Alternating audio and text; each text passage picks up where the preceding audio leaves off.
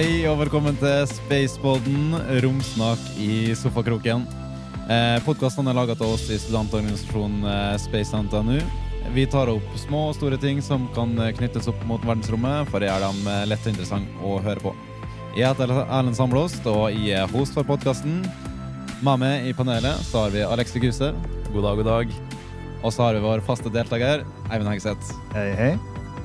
Gjesten vår i dag det er Adrian Tofting. Hei, Hei, det er meg. det var du.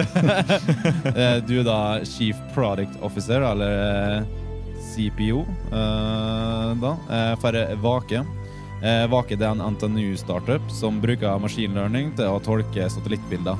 Vi har jo hatt, tidligere hatt besøk av Enernight, som bruker satellittbilder til å tolke på, på land. da. Men det Vake gjør, er å fokusere på det maritime miljøet. da. I dag skal vi se litt på hvordan de jobber for å løse problemer som f.eks. ulovlig fiske, miljøskade og beskytting av ressurser.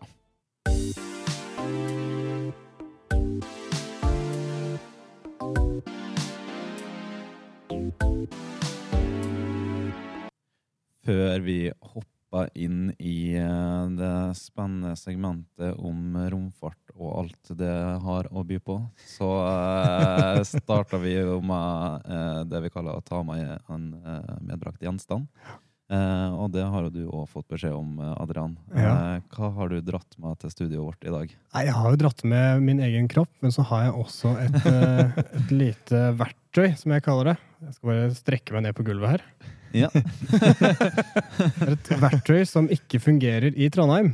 Og det er rett og slett fordi det blåser for mye i Trondheim. Og det glemte jeg da jeg kom oppover fra Oslo. Men det er en paraply. Det er det som ikke fungerer i Trondheim. Yes. Ja. Eh, Det som er litt spesiell paraply, og litt relevant til det vi skal snakke om i dag, og til podkasten, det er en, eh, en stjerneparaply fra European Space Agency. Signert av astronaut Paolo Nespoli. I alle dager. Så nå er det litt sånn eh, jeg, jeg burde kanskje ikke sagt at det var en paraply, for vi kunne kjørt litt sånn eh, eh, Lyden av. Norge. Men vi kan jo få høre på den, da.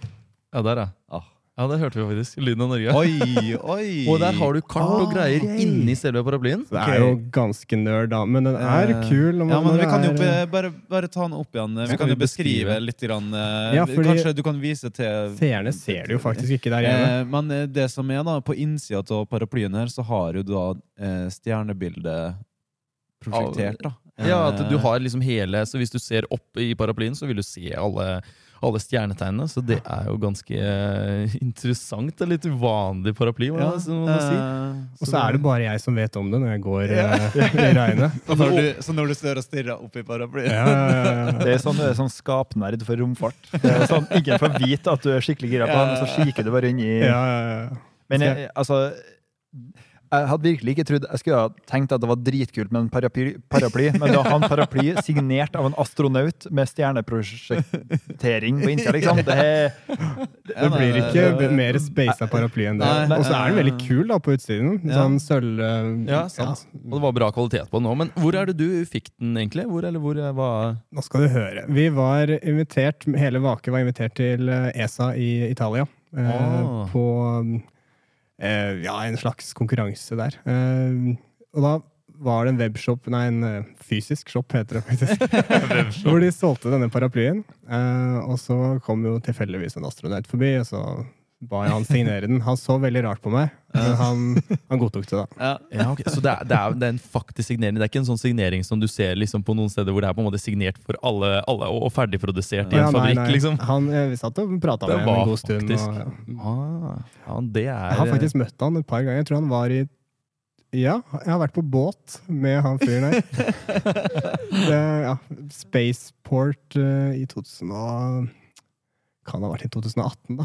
Ja, ok. Ja, men eh, det er interessant. Det. Ja, altså Det er trolig den eneste signerte paraplyen, tror jeg. Fordi hvem er det som signerer paraplyer? Det, det må være den eneste. Ja, det, det, det er nisjeprodukt. det Eh, er det. det er veldig Kommer til å sant. bli verdt så mye.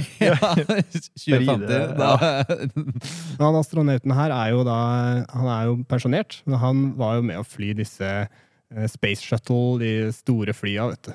Igjen, å lande det fra rommet, det er ikke en enkel oppgave. Anbefaler å google det på YouTube. Ja, Så det er det han var med på? Ok, interessant. Google på YouTube, ja. Ja, ja. Jeg blir med? ja, det er en ting, ja.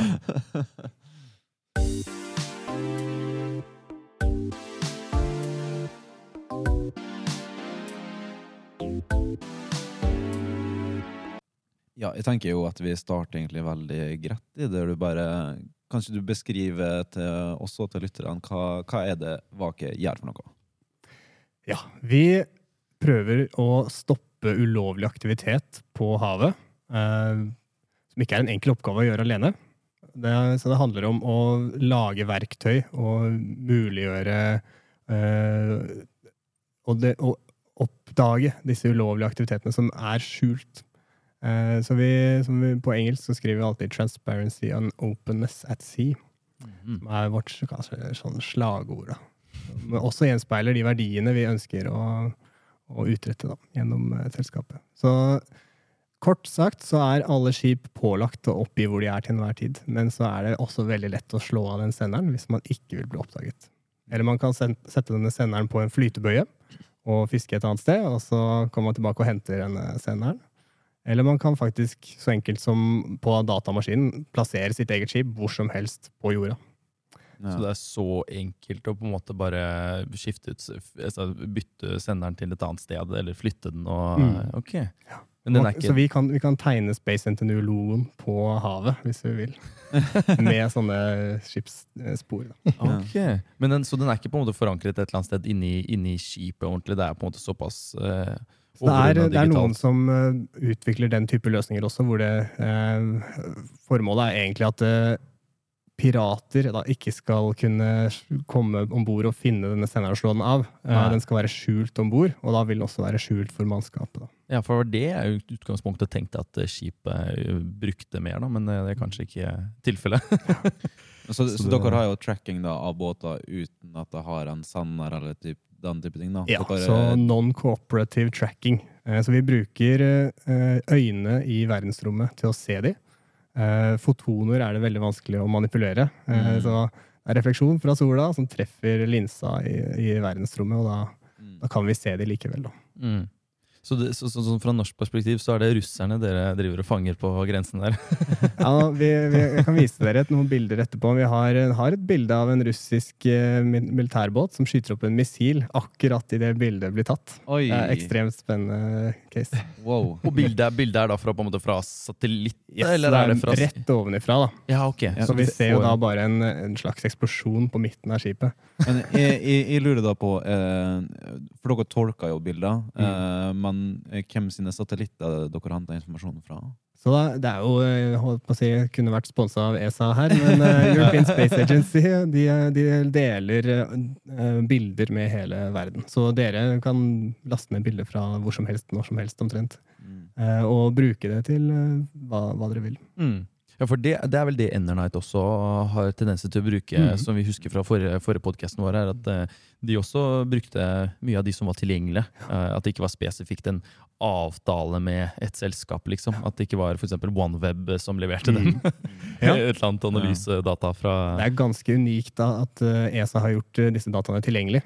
For da har man mulighet til å bygge teknologi og bygge produkter som beviser eh, noe på den dataen. Mm. Hvis man vil ha annen type data eller hyppigere data, og sånne ting, da kan man begynne å, eh, å inngå sånne avtaler med eh, kommersielle aktører da, som leverer satellittbilder. Ja. Ja, for, for eksempel, ja, mm, russerne vet jeg jo, de, de, de har jo ikke noen åpne, åpne muligheter for å få tak i bildene deres, i hvert fall. Mm. Det, det tar, jeg vet ikke NASA eh, Vet dere om de har noe eh, Ja, de har jo den lignende? Landsat-satellitten, som er litt eldre variant med litt lavere oppløsning. Mm. Så den, har jo, den var jo kanskje en av de første hvor det ble åpne data tilgjengelig. Og så har eh, Sentinel-satellittene fra European Space Agency bare eksplodert eh, det området. Det ble området. deres greie, på en Mm. måte, det at de faktisk eh, gjorde det tilgjengelig. Nei, det, det er interessant. Altså, eh, de- altså, hvordan eh, Du sier jo fotoner. Mm. Uh, og det er jo veldig mye fra OK, vi har et bilde av sjø med noen prikker på. eh, til å vite Nei, der er det Jonas som drar og fisker. Mm. Han vet vi hvem er. Der er en Jens. Ah, Roger, nei, han har ikke lov. Hvordan eh, i all verden klarer man å finne ut av hva som er hva? Hvordan Ja, så det er eh, veldig godt spørsmål, og ikke sånn veldig enkelt svar. Men posisjon og tid er, eh, er clouet her, da. Um, Mm. Eh, og fys de fysiske lover. Så et skip kan ikke flytte seg veldig veldig langt på en gitt tid. Man klarer på en måte å predikere hvor det er på vei hen.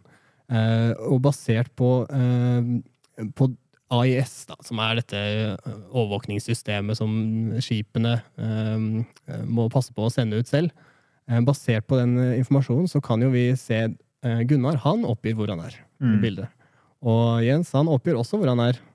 Så har vi det skipet her. Det har vi ikke et eh, korresponderende AIS-signal fra. Eh, da kan vi bruke historisk data eh, til å si i dette området har Philip kjørt rundt tidligere, men vi Mm. finner ikke Philip noe sted i dette området. Kan det være Philip? Så da kan vi også se på historiske bilder som vi har funnet av Philip, og sjekke ja, ligner det på Philip. Ja. Eller nei. Så ja, vi, det er en slags sånn hjerne der som gjør en, en del logikk basert på historisk og eh, ny data. Det er jo absolutt spennende konsept. da, Mm. uh, og mulighet, Uh, men i sånn, Hvis man skulle sammenligne det her litt i forhold til det som har vært tidligere, eh, hva er det man egentlig har gjort tidligere? Har man bare predikert, eh, antatt eh, hvor eh, sendere skal på en måte bevege seg videre? og hvor de... Ja, eh, uten et sånt non-cooperative system så er det jo veldig vanskelig å eh, vite hva som er mørk aktivitet og skjult aktivitet. Det er, det er egentlig ikke, ikke mulig. Nei. Man har jo andre systemer, og vi er ikke de første som har eh, tenkt på det her. Eh, Det er eh, kystradarstasjoner som mottar Eller som ja, fungerer som radar, da. Ja, det, det, det, det har man jo alltid satt. Og det fins radar i, i rommet også, som er en, en veldig, et veldig godt verktøy for å finne skip om natta og gjennom skyer. Mm, Eh, radarbilder er jo en slags eh, avstandsmåling. Så man får eh, eh, Man får vite eh, hva som er på overflaten av havet, Mm. Så man får en, eh, et lyspunkt der det kan være et skip, og så er det mørkt der det er hav. I sin enkleste form. Eh, mens optiske bilder som vi bruker, som er mer vanlige kamerabilder, der eh, ser man fargene og hva egentlig skipet er laget av. Og så, ja, så Så du får det såpass, eh, såpass detaljert. Men hva, hva skjer med sånn Har, man muligheten til å bruke noen andre form for uh, bølger for å for eksempel se inni havet? Så jeg tenker på ubåter. da, for eksempel. Ubåter, det, er jo, det er ikke uten grunn at eh, russerne har mange flere ubåter enn det de har av båter, med tanke på sånn militære Du er ikke den første som spør oss om Nei. det. Eh, det vi, jeg har ikke et godt svar på det. Eh, Nå kan disse satellittene vi bruker, de kan se et lite stykke ned. Så vi har et bilde av en ubåt. Eh, Ja, russ, russisk ubåt. Ja, selvfølgelig. selvfølgelig. Men vi vet ikke hvor dypt den ligger. Vi tror den ligger i overflaten. Men man kan bruke disse satellittene til å, i hvert fall i, i grunner på Mhm. havet, så kan man prøve å måle avstanden til bunnen. da. Ja. Et lite stykke. Men så ser man ikke bunnen lenger. Nei, nei. Men er det da vanlige kameraer man bruker der, eller er det du bruker noen spesielle type radiobølger, stråling, jeg vet ikke hva Det er det som er så kult med disse kameraene vi bruker. Eh, De er eh, vanlige kameraer, rødt, grønt og blått eh, lys, men de fanger også opp nært infrarødt osv. Sånn lys som er okay. usynlig for menneskeøyet. Mm. Og der er litt av nøkkelen til at vi kan begynne å se at det faktisk er Jens som kjører her. Fordi da kan vi se eh, egentlig hva, hva slags materiale båten er laget av. Om det er metall, eller om det er tre. Ja, jeg Eh, lurer på type, hvis det er oversida og sånn, da. Jeg har jo en måte å oppdage båtene på da. Da må vi ty til andre typer sensorer. Så vårt mål er jo å, å bruke all eh, tilgjengelig informasjon Mm. eh, og sy sammen en, en, et, eh, en historikk eh, basert på flere sensorer. Eh, nå kan vi se gjennom noen skyer basert på disse frekvensene som er eh, ja, ukjente for vårt, vårt menneskeøye, Mm, men eh, ikke alle. Uh, og da kan man bruke radar, og så kan man bli sånn prikk-til-prikk-tegning. da. At du, du setter sammen eh, til et kombinert resultat. mm.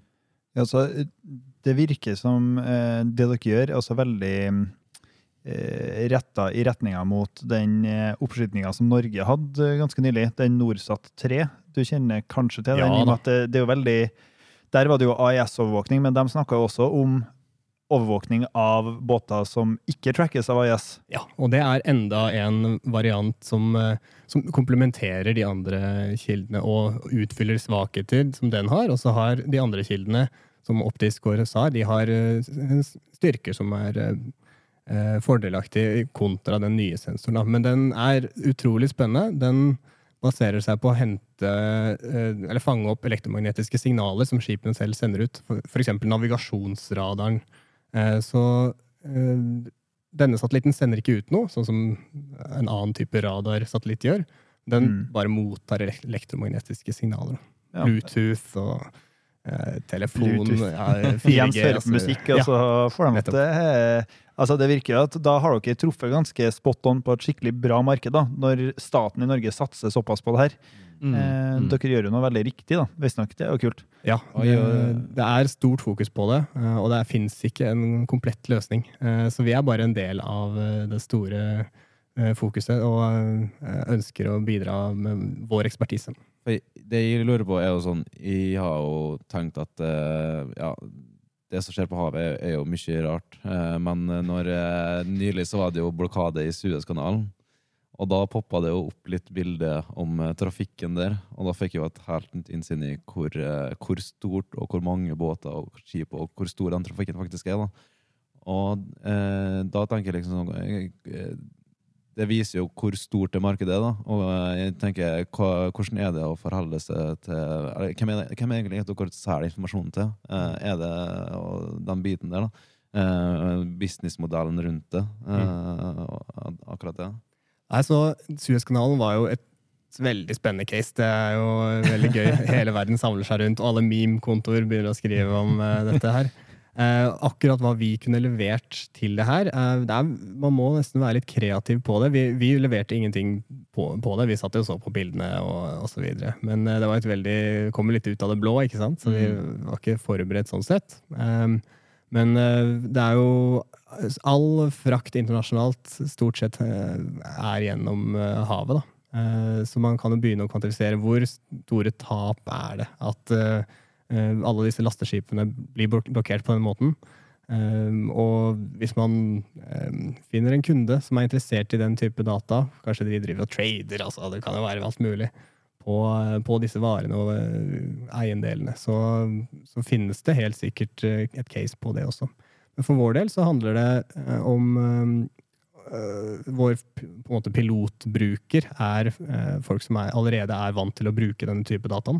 Mm. Eh, vi har eh, snakket med alt mulig fra eh, skipsforsikring til shipping og offshore. men de er ikke vant til å bruke satellittdata enda. Og på sikt så tror vi at vi kommer til å lø lage løsninger som passer de også. Men i første omgang så er det kystverk og den type brukere som allerede tar denne dataen i bruk og gjør havene tryggere.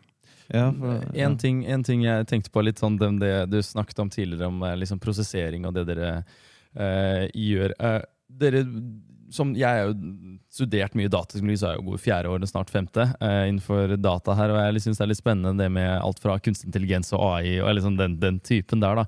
Eh, er det noe dere bruker eh, Og maskinlæring, det antar jeg jo, da, men er det mye av det? Eller er det mer ferdigkoda ting som på en måte ikke lærer? Det er, det er- veldig spennende fagfelt. Eh, og vi har gjort det litt, på en måte litt lurt. At vi har laget først manuelle metoder som eh, finner skip. Mhm. Og så har vi brukt det til å lage treningsdata. Og så har vi brukt den treningsdataen til å tre, trene opp en modell, og så har du en, en sykkel der. At uh, du har en selvforsterkende maskinlæring som, eh, som blir bedre og bedre på å skjønne hva den ser. Da. Det er som vi liker å si, itererer seg Yes. gjennom. på en smidig metode, hvis man skal si det veldig datavennlig. Ja. Nei, det er interessant. Så det, dere gjør egentlig ikke noe spesifikt på selve satellitten? eller noe sånt. Dere trenger ikke engang ha noe med selve direkte satellitten å gjøre? At dere Nei, på en måte bearbeider det som allerede kommer fra satellitten. Så det er det vi kaller Eh. downstream-applikasjoner. da. Eh, ting som skjer eh, på altså nedstrømssiden. Ting som ikke skal skytes opp. Men vi har nå laget algoritmer som også passer altså, Som kan kjøres på en satellitt, og dermed analysere Ja, okay. bildene on the fly og bare sende resultatene. Da trenger man ikke å vente på at hele denne, disse tomme hav, bildene av hav skal ned på jorda. Da kan man sende 'her er skip'. Men sånn på sikt, er det, er det planlagt å liksom eh, etter hvert eh, gå inn noe direkte samarbeid mellom type jeg vet ikke, Som du sier, Sentinel-satellittene til ESA, at man liksom samarbeider direkte, sånn at de kan um, jeg vet ikke, sånn Dere har, kan ha noe uh, direkte å si med hvordan satellittene er? Altså, eller et nytt firma senere? Eller tenker dere å bare bruke det blir sånn tredjepartsløsning, at dere bare bruker ferdig info som finnes? Jeg tror det som er viktig for oss nå, er å vise at vi har det klart. Vi er eh, de beste i verden på å, eh, å bruke disse type eh, optiske bildene til å tracke skip. Eh, og vi har noe som kan fungere på en satellitt. Eh, så vi er jo allerede i kontakt med, med Store aktører liksom innenfor det? ja, ganske store aktører. Altså selvfølgelig European Space Agency snakker vi med om det her. Men også eh, internasjonale firmaer som eh, lager sånne AI-plattformer for, eh, for rommet. For satellitter, for småsatellitter. Som trenger applikasjoner. Og der er jo vi en applikasjon. ikke sant? Så vi har ikke lyst til å bygge satellitt selv. Ja, vi vil gjøre det vi er gode på, og så kan vi dra, samarbeide med andre som er ekstremt gode på det de eh, gjør. da. Men er det sånn snakk om kun eh, software-biten, på et vis? Sånn som eh, oss i Orbit NTNU, vi, sånn som nå, vi lager jo én satellitt hvor vi har en nyttelast som kommer fra en tredjepart. Er det sånn at dere for til noen kunne laga Altså dere har et kretskort da, som kan gå inn i en kubesett som gjør utregningene, og som har den softwaren på seg. Eh, og så får dere ned dataen, mens det er noen andre som lager resten av satellittene. på en måte. Yes, Det er det som er målet. Å gjøre det veldig komponentbasert. sånn at egentlig hvem som helst kan ta vår komponent og putte den på sin satellitt. Med de speksa så får du disse, denne accuracyen med vår algoritme, f.eks.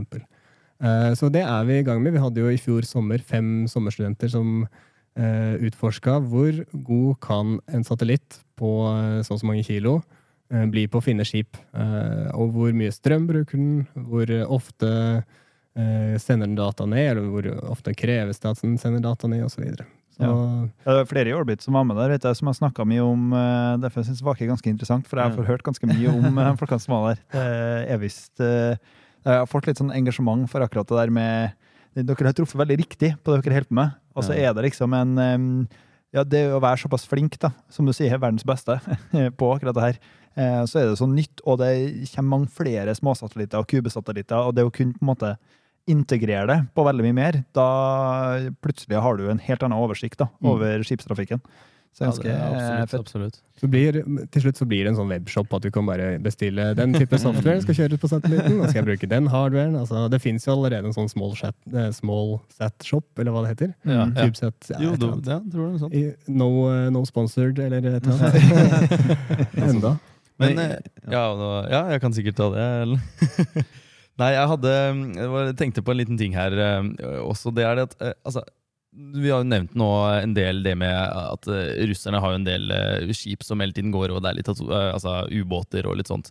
Tenker dere å bruke dette, det dere lager, denne softwaren, på kun sivile båter, mer eller mindre? Eller ønsker dere å kunne på en måte gi den muligheten til Altså gi softwaren videre til militærbruk, f.eks.? I, I dag så er det et eh, ganske stort skille på det som er operativt, altså militært, og det som er sivilt. Eh, Og det går på hvor fort de får dataen. Eh, Så Ok. sånn Sentinel-satellittene, da er det et par timer før, før vi kan levere resultater av våre analyser, da, hva vi har funnet. Og der kan ikke på en måte militæret agere Nei. like fort på det. Dermed er det ikke på en måte et verktøy i skarp sammenheng. Eh, som er et veldig fint eh, og behagelig skille for oss. For vi, det, jo, det finnes ikke satellitter som kan levere dataen fortere enn det. Ok, Så, da, da, så den, den, den, den tiden, på en måte, det at det er to timer, eh, som du sier, da mister man ganske mye eh, Mm. informasjon. eh, Mens eh, de vil jo vel gjerne ha det på sekundet så langt det går. Eh, så det er eh, Ja, ok. Men med en gang vi begynner å snakke om eh, at algoritmene bor på satellitten og kan sende ned resultatet on the fly, da, da må vi begynne å se på Hvordan bank på døra ja, hvordan vi skiller på, på hvilke brukere vi er interessert i å ha. Da. Så vi fikk jo en e-post fra et, eh, et militær på andre siden av jorda som virkelig ville vite hvordan vi gjorde dette med ombordprosessering for å finne skip. Da. Så vi, vi svarte dem ikke. Ja. det, det, det, her, det her er jo faktisk sånn, det som, som alltid en liten sånn fun fact om det russiske eller sovjetprogrammet som vi nå har begynt å få, som eh, er litt interessant. Når du nå sier at dette kan gå ganske raskt hvis du har det oppe på satellitten. Eh, du vet, På, på eh, 1960, ja, 1967 så hadde Sovjet eh, lagd en, eh, en ganske stor eh, skal man si da, romstasjon. da, som egentlig, Man har ikke fått vite om den, noe om den før nå, eh, ikke så ja, ti år siden kanskje. eh, Hvor den, ble, den var jo sikkerhetsklarert hele, hele Nei, sikkerhetsklarert eh, Hva skal man si? at, Hemmelig. Hemmeligstempla. Veldig riktig. Og den eh, var jo slik at de hadde største, det største teleskopet inni der. Altså De kunne faktisk drive og se bilmerker som kjørte i USA, altså ned til Sovn. Da satt jo mennesker og, og styrte hele den greia. Men på den tiden, hvordan skal du i alle dager sende såpass store, såpass på en måte detaljerte bilder ned? Det var jo ikke mulig, for man har jo ikke nok dataoverføringshastighet eller noen ting på den tiden.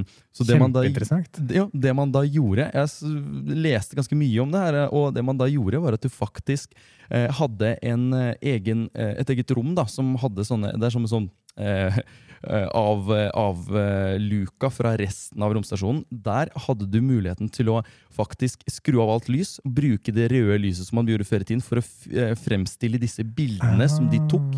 Og måten de da gjorde det videre, var at de tok disse bildene ned i sånne spesielle kapsler, og de kapslene ble sluppet ned på jorda. Altså De hadde flere, mange av de der kapslene, da. og de var ganske store. Eh, og da kunne de slippe opp imot eh, Hva var det det var, da? Eh, jeg tror etter én kjøring så var det vel 10-20 sånne kapsler de kunne slippe ned. Og da hadde du jo eh, mange mange bilder av alle baser i, av USA og sånt på den tiden. da. Så det er helt sykt. Men det, ble jo, det var jo skummelt om det her kunne brukes til atom, at man Ja, kunne ja, slippe ned atomvåpen Ja. manuelt. Og den stasjonen, altså det, det var jo noe av det første som faktisk kunne sånn som gjøre det dere nå gjør, bare det var jo 100 manuelt. Og, og, og du hadde det, det teleskopet. Eh, du satt jo, og det var jo speil som gjorde Ja. sånn at du klarte å faktisk stoppe bildet. For du kan, den flyr jo mange kilometer i timen. Skikkelig sånn speilreflekskamera. Yes, ja, Så den bytta jo seg hele tiden. Så det er ganske sykt. Utrolig spennende. Det er jo en slags, eh, det er jo det vi prøver å få til, bare at der hadde vi mennesker som gjorde alt det her om bord. Ikke sant? Vi vil Ikke gjøre det automatisk med maskinlæring. for Oldtidens selfiesett. Yes. Ja, det er, jo- det er jo ganske, det er jo ganske sykt. Eh, bortsett fra at den, den eh, Almas stasjon som den het, kunne også skyte. Den hadde faktisk Gatling-kanon. Det tror jeg ikke dere trenger. Så det er faktisk ganske sykt hva de gjorde på den tiden. Altså, hvor, og hvor, hvor mye vi, av, det vi ikke trenger eh, akkurat nå. Så det er Men faktisk tenker, eh, For å få det fram, da. eh, Hvor stor er egentlig dere? Hvor mange ansatte har dere? Ja, så i dag er vi tre fulltidsansatte, men så føler vi oss egentlig som eh, mange flere enn det. Vi har både deltidsstudenter eh, og masterstudenter som skriver med oss. Eh, og vi har jo et nettverk her på NTNU, Space NTNU, men så er vi også en del av et uh, innovativt uh, miljø i- Oslo som heter Iterate, som vi har veldig mye kontakt med. Det, det, det, tenker jeg jo i forhold til lyttere som er interessert med tanke på startups og sånne ting. da. Vi har jo hatt flere startups her med oss, og, og liksom veien der. Og her ser du jo hvor mye dere har fått utretta, um, sjøl om dere er bare en tre stykk. Og det tenker jo, det må nesten du svare, men det jeg tenker i hvert fall er jo uh, det at du har key personell, og at du har det nettverket, er, er så utrolig viktig. Og bare at du kan liksom satse, da. Ja, Eh, det, er, eh, det har vært alfa og omega. Eh, Det er ikke noe gøy å føle at man sitter alene i en garasje og utvikler ting som skal redde verden. For man føler seg veldig liten. Men når man har et nettverk rundt seg Vi har gjort mye jobb for å komme i kontakt med folk som kan hjelpe oss, som har lyst til å hjelpe oss. Eh, Så vi har jo hatt eh, prat med folk fra både SpaceX og CIA, altså alt mulig i hele verden, for å eh, prøve å finne vår plass i, i det her. da. Eh, og da er det veldig viktig med den kjernen rundt seg som, eh, som sier dette er mulig, dette må dere satse på, og, bare fortsetter å pushe. da. vi, vi merker jo nå at det her er jo, som Erlend nå sier, det er jo en gjenganger hos oss. Nå som vi har hatt de, de, de tidligere startupene som har vært på besøk hos oss her, at det, altså, den kjernen av uh, mennesker som har lyst til å jobbe sammen og lyst til å gjøre noe, det er jo Vi ser det jo altså, bare på oss her som starta på podkasten også. Det er, det er liksom man, man, trenger faktisk folk som er villige til å jobbe og gjøre ting. Og, og om det er midt på natta, eller om det er mm. midt på dagen, eller klokken åtte på en søndag. Liksom. Det er, eh, altså, alt det her er eh, på en måte Du, du, må ha folket. Så det, det, er jo det som Jeg, jeg tror jeg vi har mye, mye å på si, gå på i, i, i Norge, fordi Nor Space i Norge er ganske nytt. Mm. Og Der gjør dere en kjempejobb for å samle, samle interessen og samle aktørene mm. rundt eh, et felles økosystem. For å, vi vil i hvert fall være en del av det å hjelpe og eh, formidle vår erfaring fra disse årene. Jeg tenker, Vi kan jo ta litt som den reisen. Når, når var det det starta? Eh, hvordan møtte dere, for eksempel? Uh, ja, så vi, vi, er jo ikke på NTNU lenger. Vi har uh, holdt på i Oslo uh, i de siste to pluss årene. men det starta som en masteroppgave som jeg og min kompanjong Lars skrev sammen.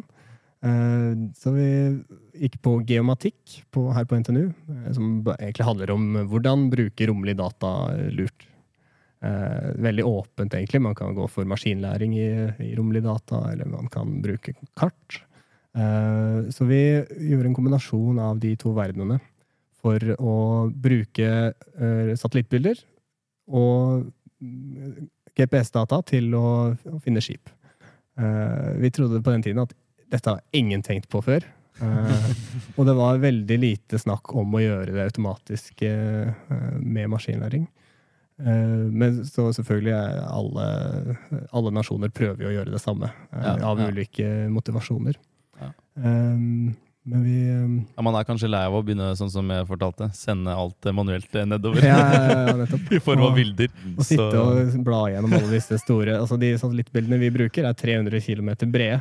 Riktig. Og opptil 15 000 km lange. Aha, ja. Det går ikke an å bruke all den dataen uten å analysere det manuelt. Nei, automatisk. Ja, automatisk. ja. For før, før, så var det jo sikkert mye mer begrensninger når man måtte gjøre det manuelt. Mm. Altså Du måtte ha mange folk som sikkert satt og så på det, men nå kan man jo automatisere såpass mye at uh... mm. Og da så man bare på det viktigste, altså det man, de antakelsene man hadde fra andre kilder. Da prøvde man liksom å se etter ting. Men nå ja. kan vi uh, analysere alt. da. Ja, men eh, det er jo, det er jo litt, no, noe litt annet. det med sånn, sånn du sa at når du begynte med den masteren at det mm. faktisk var uh, Men jeg føler liksom, jeg også skal velge master her. Ja. Uh, og, og, og det, er ikke, det, er ikke, lett å bare finne noe som er noe helt, noe helt, nytt. Og dere på en måte klarte å faktisk finne en ting som ikke uh, fantes liksom direkte. Det er, mm. hvordan, hvordan, var den tankeprosessen egentlig? Var det liksom var det ja. bare det første du tenkte på? Ja, vi, vi, vi, um, vi tenkte en stund. Eh, så Lars han var på utveksling i, eh, i Italia. Satt vi og chatta en gang og prøvde å liksom, hva, la oss brainstorme litt her. Og så eh, ja, kom vi på det. Vi kan bruke AIS-dataen, altså skipenes egen rapportering, som fasit, som treningsdata i satellittbilder, slik at vi kan automatisere hele den prosessen. Og så eh, balla det egentlig på seg med masse ideer fra det. Eh, så det, det er litt sånn eh, eh, vanskelig å reprodusere akkurat den strategien for å finne den oppgaven. Da. Eh, jeg, jeg, tror ikke jeg vet, ja. Det er ikke direkte, liksom? Ja, ja. ja det, det, var, det, var, litt sånn tilfeldig at du bare kom, kom inn på det. Jeg føler, jeg føler, en liten gjenganger det der at det er et lite frø som blir, kommer i en eller annen form, enten en masteroppgave eller hva det er, at det blir en sånn pitching. Mm. Og så går liksom en liten gjeng ned og bare sånn Ok, nå skal vi grave litt dypere her, og så ser vi Og så spør du kanskje litt sånn personer som er i markedet fra før. Liksom, er dette her en realistisk visjon? Og så med en gang du får vite at ja, det er mulig, og, og da liksom får du liksom det der uh, Eureka-øyeblikket. Mm. liksom, ok, her, det, her, har jeg truffet noe. Ja, og da blir det jo, hvis du er den type person, da, den gnisten ja, blir bare nettopp. tent. Jeg ser Olympia med, bålet bli ja, Det var utrolig gøy å skrive denne masteroppgaven. Det var eh, ja, det morsomste prosjektet jeg har hatt i, på hele NTNU. Mm. Jeg har gjort mye morsomt. Jeg har vært med i Ascend, som er en del av Space NTNU. Uh, så det, jeg, vi, jeg tror kanskje nøkkelen til å finne en kul uh, ting å gjøre på masteren, eksempel, er å involvere seg og få input. Få ideer. Hjelp, ja. Så det, det er noe som kunne vært tipset ditt eh, til eh, kanskje til de som eh, skal velge master, og at de skal involvere seg mer? Ja. fra det, ja. Prate med folk som er smartere enn deg. ja, det, Det er det er veldig viktig å Ja, det er veldig Men altså, når dere mekker en master, hvordan går du fra å mekke en master til å være sånn Nei, du, nå, nå gjør vi det her. Etter studiet. Hva, hva, master til startup. Hva, hva, hvordan var overgangen der, og hvordan skjedde det? Ja, så uh, vi hadde allerede signert eh, jobber i uh, hvert vårt firma, jeg og Lars. Eh, han skulle begynne i bank, og jeg skulle begynne i, som konsulent. Uh, og så det konsulentfirmaet jeg begynte for, begynte for, som ikke egentlig er et rent konsulentfirma, de har eh, driv for å starte og utforske eh, sånne muligheter som kan bli oppstartsselskaper. Eh, så de har sånn pitch night hver måned hvor jeg pitcha masteroppgaven. Og mm, det første oppdraget jeg ble satt på, var eh, å jobbe med Vake. Da. Eller det som ble, skulle bli Vake. Så jeg fikk spillerom allerede fra start, eh, som er en unik mulighet. da.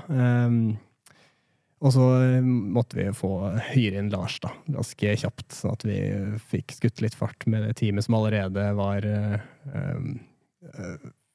dypt inn i det. Mm. Så, mm. Jeg, jeg lurer bare på, sånn, slik som det er i dag, da. Eh, du sier at dere er, at er liksom verdensledende og alt det der, og at eh, alle nasjoner har en interesse for det, og, og som vi nevnte med Suezkanalen, veldig stort marked, det er mange båter. Så det jeg lurer på, hvordan kan dere som er tre stykk på eh, tidlig, eller sånn 20 år ish, eh, konkurrere oppi det markedet her, eh, og ha en mulighet?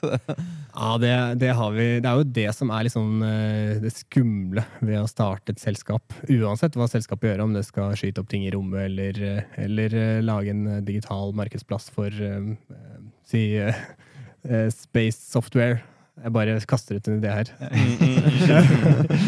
Eh, så, så er det jo det at de andre, alle andre i verden er mye eh, større og mye, har mye mer kapital, har eh, større team, men de har også sine egne ting å holde på med, da. Og er ofte De har, som vi kaller det, gjeld. De har digital, altså teknologisk gjeld, så de har store maskiner som de ikke har nok penger til å bytte ut, f.eks., eller at de har store kontrakter som de må fortsette å levere på. Eh, Så vi, har, vi bygger på blanke ark eh, og kan løse fremtidens problemer istedenfor å, eh, å vedlikeholde eldre problemer. Ja, for det, dere blir jo mye mer tilpasningsdyktige. Når jeg nå tenker meg om altså Hvis noen som må endres, så er det jo bare fort gjort å bare endre, endre på det. Mens de store selskapene, det tar jo mange mange, mange år. altså sånn, ja, For NASA og ESA å begynne å gjøre noe nytt, det Mm. tar jo så lang tid. Det er det som gjør at de selskapene er veldig Det er sånn kolossus som skal bevege seg til siden, mens Mm. dere, dere løper dere fort gjennom alt. Det er jo kanskje noe med det å gjøre, tenker jeg der. Så det er, eh, det er mye, vi leser jo mye bøker om uh, den type startup-teori. Det, det kalles The Innovators Dilemma, som er en sånn S-kurve, som egentlig er et slags bevis på at eh, oppstartsselskaper ligger mye bedre an til å løse fremtidens problemer. Mm. Litt Men- motivasjon der. eh. Ja, Ja, ja. Det er veldig sant. Men hvordan, hvordan, eh, når du studerte selv tidligere, kunne du anta altså før du skrev denne masteren at du skulle da drive med en eget startup, eller hadde du veldig planer om å faktisk jobbe um, vanlig selskap som helt vanlig, vanlig Ja. dødelig? Helt Ja. vanlig. Jeg hadde ikke, det hadde ikke slått meg, tanken om å starte eget selskap. Um, Jeg vet ikke hvorfor. Jeg har bare ikke vært eh, involvert i den uh, gründer... eh, I gründermiljøer og hatt det drivet, da. Mm. Eh, så det, det kom på en måte litt utenifra at eh, det er verdt å sjekke hva dette kan bli. Mm. Eh, og så har vi jo bare fått eh, gode eh, tilbakemeldinger på veien, så Så man trenger ikke å være den der, det, vi, det man anser som gründere, den eh, personen i blazerdress og løper og føler at han skal legge inn pengene sine overalt, og det er aksjer, og det er liksom Det er følge med på alt. Det er kanskje det er fint å ha en sånn på teamet også, eller ha i hvert fall eh, kontakt med den type mennesker. Eh, Men man trenger ikke å ha alle de å si, kvalitetene selv. Vi kan jo nevne her rett når Adrian kom inn i studio her, så nevnte han jo at apropos blazer, at jeg har fredag, så er det det, burgunder... eh, Burgunderfredag. Burgunderfredag. Så jeg tenker jeg pitcher det til lytterne våre. Uh, Send inn bilde uh, til Space NTNU. Space NTNU med uh, Ta en hashtag Space NTNU med burgunderfredag. Eh, startups og studenter trenger ikke å være i blazers og eh, kofferter. Eh, men eh, med det så tenker jeg egentlig at vi må avslutte. Eh, det var veldig interessant å ha her. Tusen takk for at du kom og representerte Vake. Ja, veldig gøy å være her i Trondheim igjen og se det som har skjedd på Space. Det er eh, bra jobba. Mm, tusen takk. Eh, og takk til dere eh, lytterne som har sittet og hørt på i dag. Eh, vi vil også takke Fram for at vi får bruke lokalet deres. Eh, Spaceboden den er selvfølgelig tilgjengelig på Spotify. Vil du vite mer om oss i Space NTNU, så sjekk oss ut på Instagram eller Facebook. Du kan også finne ut mer informasjon på nettsida vår, ntnuspace.no. Ellers så får du bare ha en eh, fin dag videre. Takk for oss.